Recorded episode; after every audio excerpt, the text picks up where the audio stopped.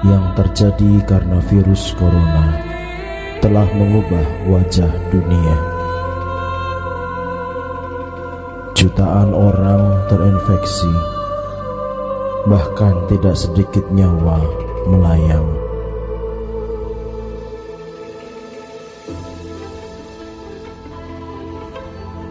Para medik berjuang bertaruh nyawa di garda depan. Tatanan baru terpaksa diterapkan.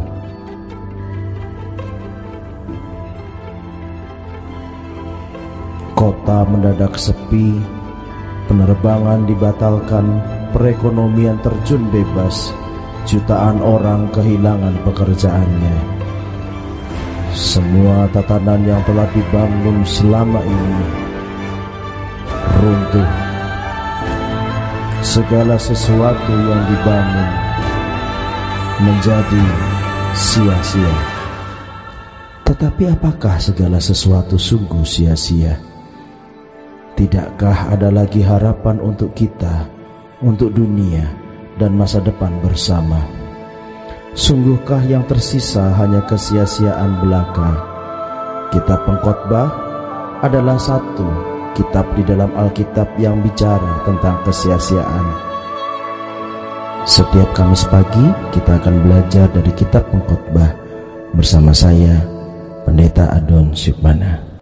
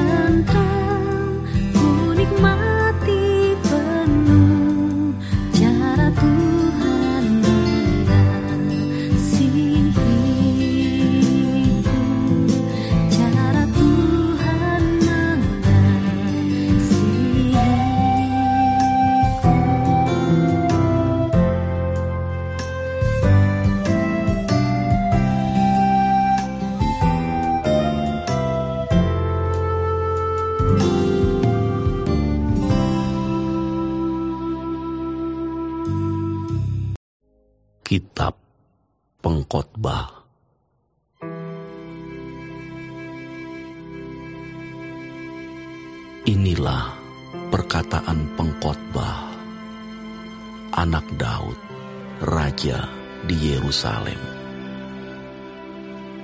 Kesia-siaan belaka, kata pengkhotbah.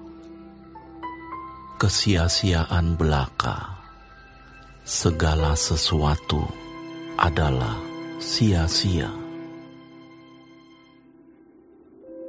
Apakah gunanya manusia berusaha dengan jerih payah di bawah matahari?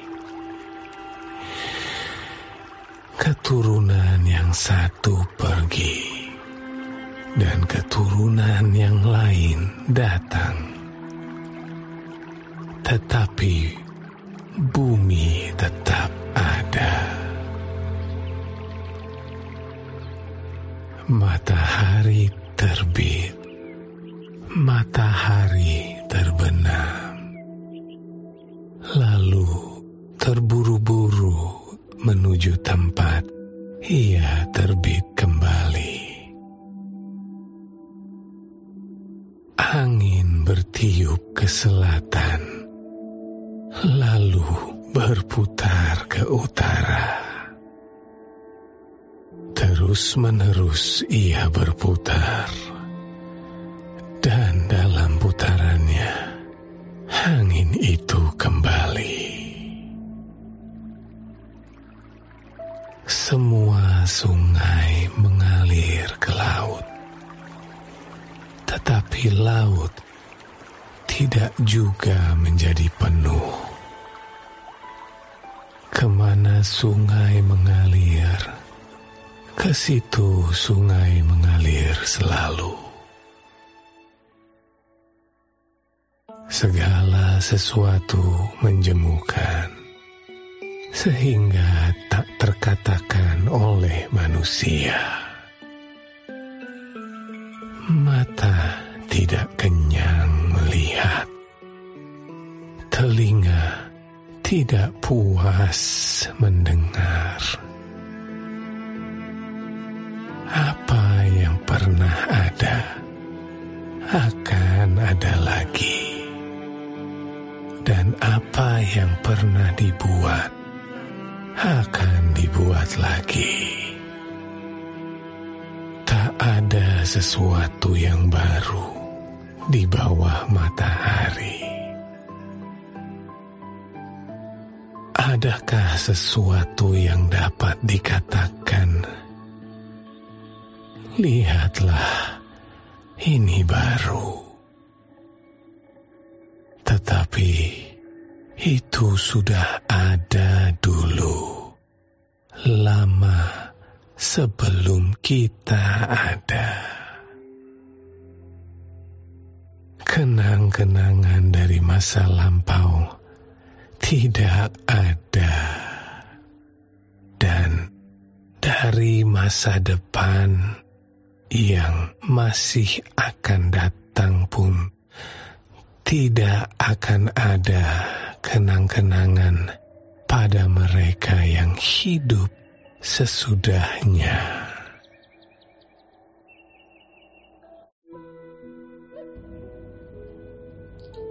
Selamat pagi, Bapak Ibu yang dikasihi Tuhan. Saat ini kita bersama-sama bergabung di dalam program doa pagi yang akan dilakukan oleh GKI Kata Subroto, gereja kita tercinta. Namun sebelumnya mari kita satu di dalam doa. Terima kasih Tuhan untuk hari yang indah yang telah Tuhan berikan kepada kami. Dan pada saat ini izinkanlah kami untuk memulai hari ini ya Tuhan dengan bersama-sama melakukan permenungan atas firman Tuhan dan juga datang pada Tuhan dalam doa dan juga pujian. Ya Tuhan, kiranya Tuhan sendiri yang menyertai kami dan memberkati kami, memberkati hambamu agar apa yang ia pikirkan, yang ia katakan itu seturut dengan apa yang Tuhan mau. Terima kasih ya Tuhan, inilah doa sembahyang kami. Dalam nama Tuhan kami Yesus Kristus, kami berdoa. Amin. Bapak Ibu yang dikasih Tuhan, selama hari Kamis, doa pagi kita ke depan akan merenungkan 17 permenungan dalam kitab pengkhotbah. Kenapa saya tertarik dengan kitab pengkhotbah? Karena kitab pengkhotbah ini membahas tentang kesia-siaan. Dalam pandemi yang semua telah runtuh atau semua meruntuhkan meruntuhkan segala hal, kita akan bersama-sama berpikir dan dituntun oleh si pengkhotbah dalam kitab pengkhotbah ini tentang 17 tema yang akan kita lihat bersama-sama di dalam satu kitab yaitu kitab pengkhotbah. Dalam permenungan pertama pagi ini kita mengambil tema segala sesuatu sia-sia. Bapak Ibu yang dikasih Tuhan di ayat yang kedua pengkhotbah mengatakan segala sesuatunya itu adalah sia-sia, kesia-siaan belaka. Kesia-siaan di atas segala kesia-siaan. Hampa, kosong, tidak ada makna, tidak ada arti apa-apa, tidak berarti apa-apa. Ini menjadi tema dari seluruh kitab pengkhotbah. Kenapa segala sesuatunya dinyatakan sia-sia oleh kitab pengkhotbah? Kitab pengkhotbah di ayat 1 sampai 11 permenungan kita yang pertama ini memberikan contoh-contoh dalam kehidupan yang kemudian dia nyatakan bahwa ini loh contohnya. Kenapa disebut sebagai sia-sia? Bapak Ibu yang dikasih Tuhan di ayat yang ketiga Pengkhotbah memberikan contoh tentang orang yang bekerja. Apa gunanya orang berusaha dengan jerih payah di terik matahari? Apa gunanya pengkhotbah eh, manusia itu berusaha? Kenapa kerja dianggap sebagai sesuatu yang sia-sia oleh pengkhotbah? Karena hasilnya nggak dibawa mati karena bisa hilang dengan seketika. Kita tahu bahwa perekonomian pada saat ini hancur, anjlok, banyak orang yang di PHK, banyak orang yang usahanya bangkrut, banyak orang yang usahanya gagal.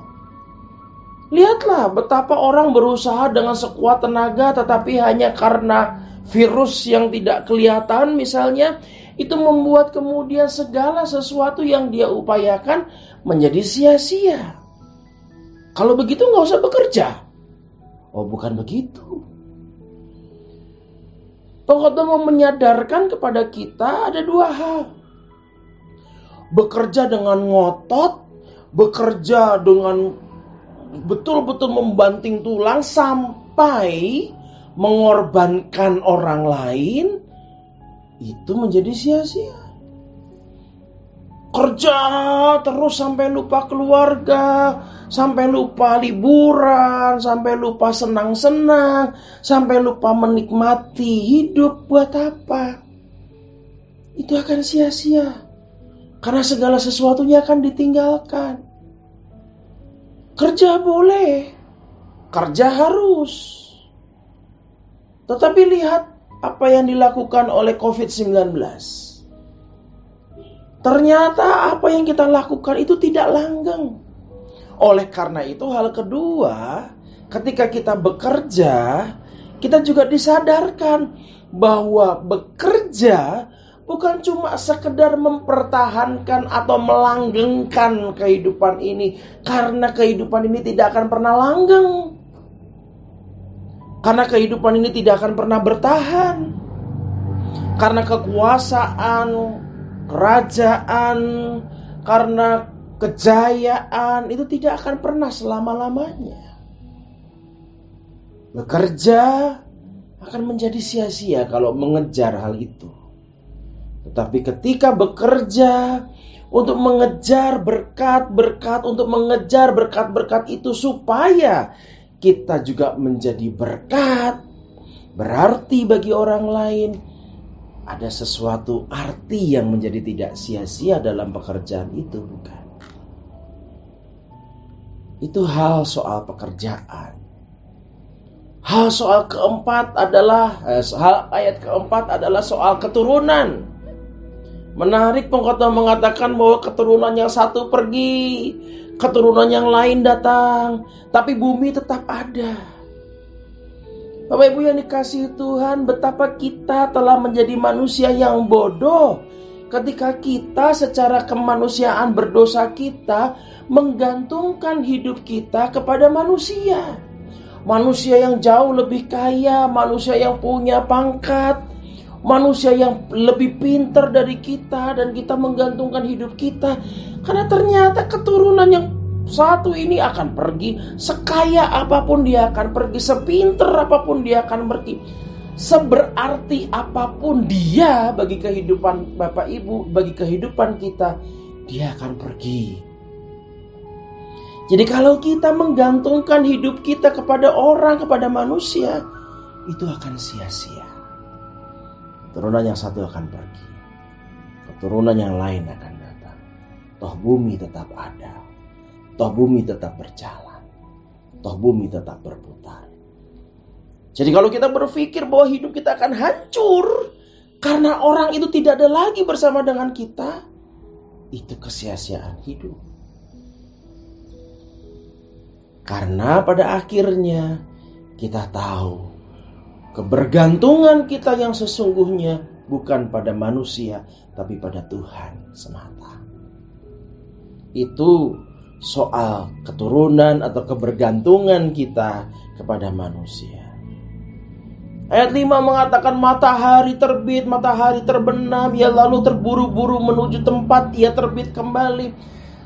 Seolah-olah pengkhotbah mengatakan kalau hari ini matahari terbit, Toh juga kemarin matahari juga terbit, besok juga matahari akan terbit. Toh kalau pagi ini matahari terbit, maka nanti malam, nanti sore juga pasti matahari akan terbenam. Itu semuanya berputar begitu saja sia-sia. Matahari Bapak Ibu bagi beberapa orang sampai sekarang dianggap sebagai sebuah pengharapan. Jadi dengan kata lain pengkhotbah juga mau mengatakan bahwa Kadang-kadang aku punya pengharapan dan pengharapan itu kemudian begitu semakin nyata, semakin jelas, tapi kemudian pengharapan itu pun juga akan jatuh dan seolah-olah tidak lagi ada pengharapan. Tapi toh nanti akan kembali lagi muncul pengharapan yang baru. Begitulah hidup. Bapak Ibu yang dikasih Tuhan, ketika kita berpikir tentang kondisi kita dalam pandemi COVID-19 ini Bapak Ibu, kita diingatkan kembali bahwa yang namanya pandemi ini bukan cuma sekedar di tahun 2020 ternyata. Ya. Ternyata sudah ada pandemi yang jauh lebih besar dan bumi masih terus berputar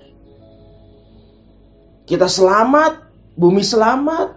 Memang sebagian akan ada yang meninggal, ada yang meninggalkan dunia ini, tapi bumi tetap berputar walaupun seolah-olah tidak ada pengharapan. Lalu itu akan berlalu dan nanti akan datang juga lagi akan ada lagi. Konon katanya yang pernah saya dengar, pandemi di dunia ini ternyata terjadi kisaran antara 100 tahun sekali. Dan ternyata bumi masih survive. Manusia masih survive. Kita tidak akan musnah karena COVID-19 ini. Dulu sudah ada pandemi. Sekarang ada pandemi.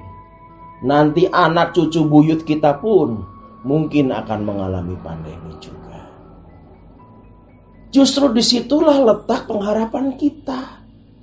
Bahwa sekalipun saat ini matahari lagi ada di titik terbenam dan kegelapan menyelimuti kita, suatu saat dia akan terbit kembali. Pengharapan itu akan terbit kembali. Begitu juga yang digambarkan dengan angin yang berlalu dan akan kembali lagi seperti itu di ayatnya yang ke-6. Di ayat yang ketujuh pengkhotbah mengingatkan bahwa Semua sungai mengalir ke laut yang sama, tetapi laut kemudian juga tidak meluap, tidak penuh. Semua sungai mengalir ke situ semua, tetapi juga laut tidak meludak, tidak banjir ke mana-mana.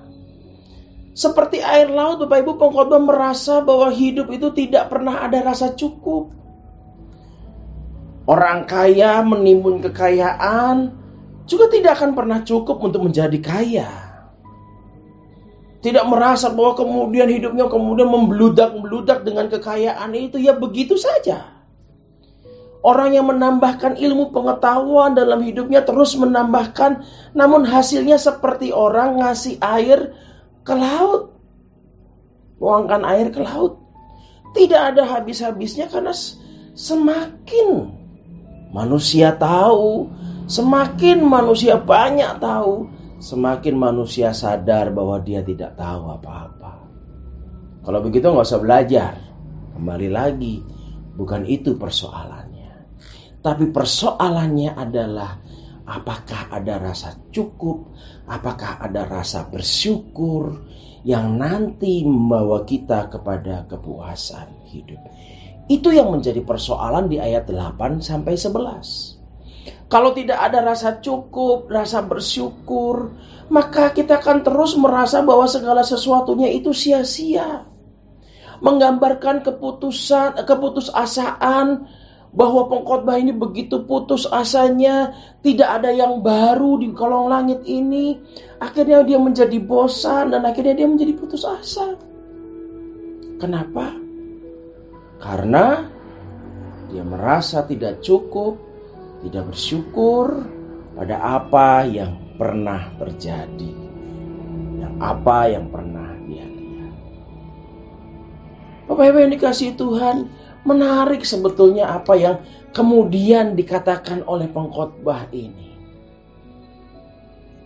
Seolah-olah pengkhotbah mengatakan bahwa saya ini adalah orang yang bebas. Tapi dalam kebebasan saya, tapi kenapa kemudian saya merasa terbelenggu di dunia ini? Konon katanya di ayat 1 pengkhotbah adalah anak dari Raja Daud. Dia adalah seorang Raja Israel. Berarti dia adalah orang yang berkuasa, dia adalah orang yang kaya, dia adalah orang yang berhikmat, tapi kemudian kenapa dia merasa kekosongan, emptiness? Kenapa dia merasa bosan? Karena pikirannya yang terpenjara, bukan badannya yang terpenjara. Tapi pikirannya terperangkap. Pikirannya terpenjara di dalam kebosanan hidup. Di dalam putur, putaran dan rutinitas hidup. Bapak Ibu yang dikasih Tuhan, saat ini sudah begitu banyak orang merasa bosan. Terlalu lama diam di rumah. Roda perekonomian tidak akan mungkin bekerja kalau kita selalu terlalu lama di diam di rumah. New normal mulai diterapkan Anak-anak mulai bermain sekalipun Kementerian Pendidikan dan negara kita masih melarang sekolah untuk dibuka. Tapi anak-anak boleh saja bermain. Kenapa? Karena bosan. Tapi bosan itu bukan perkara hanya diam di rumah. Bosan itu bukan persoalan karena terlockdown fisiknya. Tapi bosan itu terjadi karena pikirannya merasa sia-sia, segala sesuatunya sia-sia. Ketika saya diam di rumah, nggak ngapa-ngapain, saya menjadi orang yang sia-sia, tidak berguna, tidak bisa menikmati hidup. Pikirannya terlockdown. Bapak Ibu, menarik bukan? Pengkhotbah bebas, dia bebas bekerja, tapi dia bosan. Dia bebas berinteraksi dengan orang lain, tapi dia bosan. Dia punya pengharapan, dia bebas untuk berharap, tapi dia bosan. Dia kaya dan berilmu, tapi dia bosan. Kenapa? Pikirannya terlockdown. Apa pun akan menjadi sia-sia kalau pikiran kita terpenjara. Akan tetapi sangat berbeda jika pikiran kita bebas merdeka. Pikiran kita bisa melihat karya Tuhan, pikiran kita bisa bersyukur atas apa yang telah Tuhan lakukan dalam setiap keadaan kita. Jika kita mengizinkan pikiran kita bebas, hati kita bebas untuk terus bersyukur pada apa yang terjadi, baik ada di dalam rumah maupun ada di dalam rumah, maka sesuatu yang terlihat sia-sia pun sungguh bisa berharga dan bernilai besar. Ya, segala sesuatu memang sia-sia ketika pikiran kita tidak bisa merasa cukup dan bersyukur, berserah kepada Tuhan. Pada permenungan pertama dari kitab pengkhotbah, kita belajar bahwa segala sesuatu di bawah kulong langit ini, baik bekerja, baik berinteraksi dengan orang, baik mempunyai pengharapan, baik ber, baik apa, baik berilmu, baik berduit, baik punya harta, segala sesuatunya akan sia-sia ketika kita tidak bisa bersyukur. Ketika kita tidak bisa melihat karya Tuhan di balik itu semua. Namun, ketika kita saat ini menghadapi pandemi ini, namun kita bisa melihat karya Tuhan, hidup kita tidak akan pernah sia-sia. Tuhan memberkati kita. Mari kita berdoa. Bapa di sorga tolong kami supaya kami ini hidup semakin hari semakin pasrah kepada Tuhan. Ampuni kami ketika kami selalu tidak pernah merasa cukup. Sebelum ada pandemi, kami merasa bosan kenapa kok hidup begini-begini saja. Bangun pagi kerja, pulang kerja lelah, lalu kemudian istirahat di rumah, untuk bangun pada keesokan harinya dan bekerja dan terjebak pada kerutinitasan yang ada. Kami tidak pernah bersyukur. Sekarang hidup ketika berbeda daripada sebelumnya. Kami ada di rumah. Yang bekerja-bekerja di rumah. Kami pun juga merasa bosan dan tidak lagi bersyukur. Tuhan ampuni kami. Dalam setiap keadaan kami selalu mengeluh dan merasa segala sesuatunya sia-sia. Padahal Tuhan mengajarkan kepada kami untuk mencari hakikat-hakikat yang begitu indah, untuk mencari karya-karya Tuhan yang luar biasa yang tersebar dalam setiap kehidupan kami di sanalah hidup tidak akan pernah menjadi sia-sia. Karena kami melihat karya Tuhan yang luar biasa. Tolong kami ya Tuhan. Untuk dapat mensyukuri keluarga kami. Pasangan hidup kami, anak kami, pekerjaan kami, keadaan kami yang ada di tengah pandemi saat ini, dan semua hal yang terjadi agar segala sesuatu yang kami alami tidak menjadi sia-sia. Tuntun kami Tuhan Allah. Supaya berkat Tuhan kami sadari ternyata selalu ada dan baru setiap pagi. Dalam nama Tuhan Yesus Kristus kami berdoa. Amin. Baik Bapak Ibu demikian permenungan kita pada hari ini sampai jumpa minggu depan dengan saya. Doa pagi akan selalu ada setiap hari Selasa dan Kamis, minggu yang pada hari Kamis bersama dengan saya dan kita akan tetap membahas kitab pengkhotbah dan minggu depan kita akan masuk pada permenungan kedua dalam kitab pengkhotbah dari 17 permenungan yang ada. Mari Bapak Ibu, kita terus bergumul mencari karya Tuhan, mencari berkat Tuhan dalam kehidupan kita dan ingatlah di dalam Tuhan tidak akan pernah ada yang sia-sia. Shalom, Tuhan memberkati Bapak Ibu semua. Amin.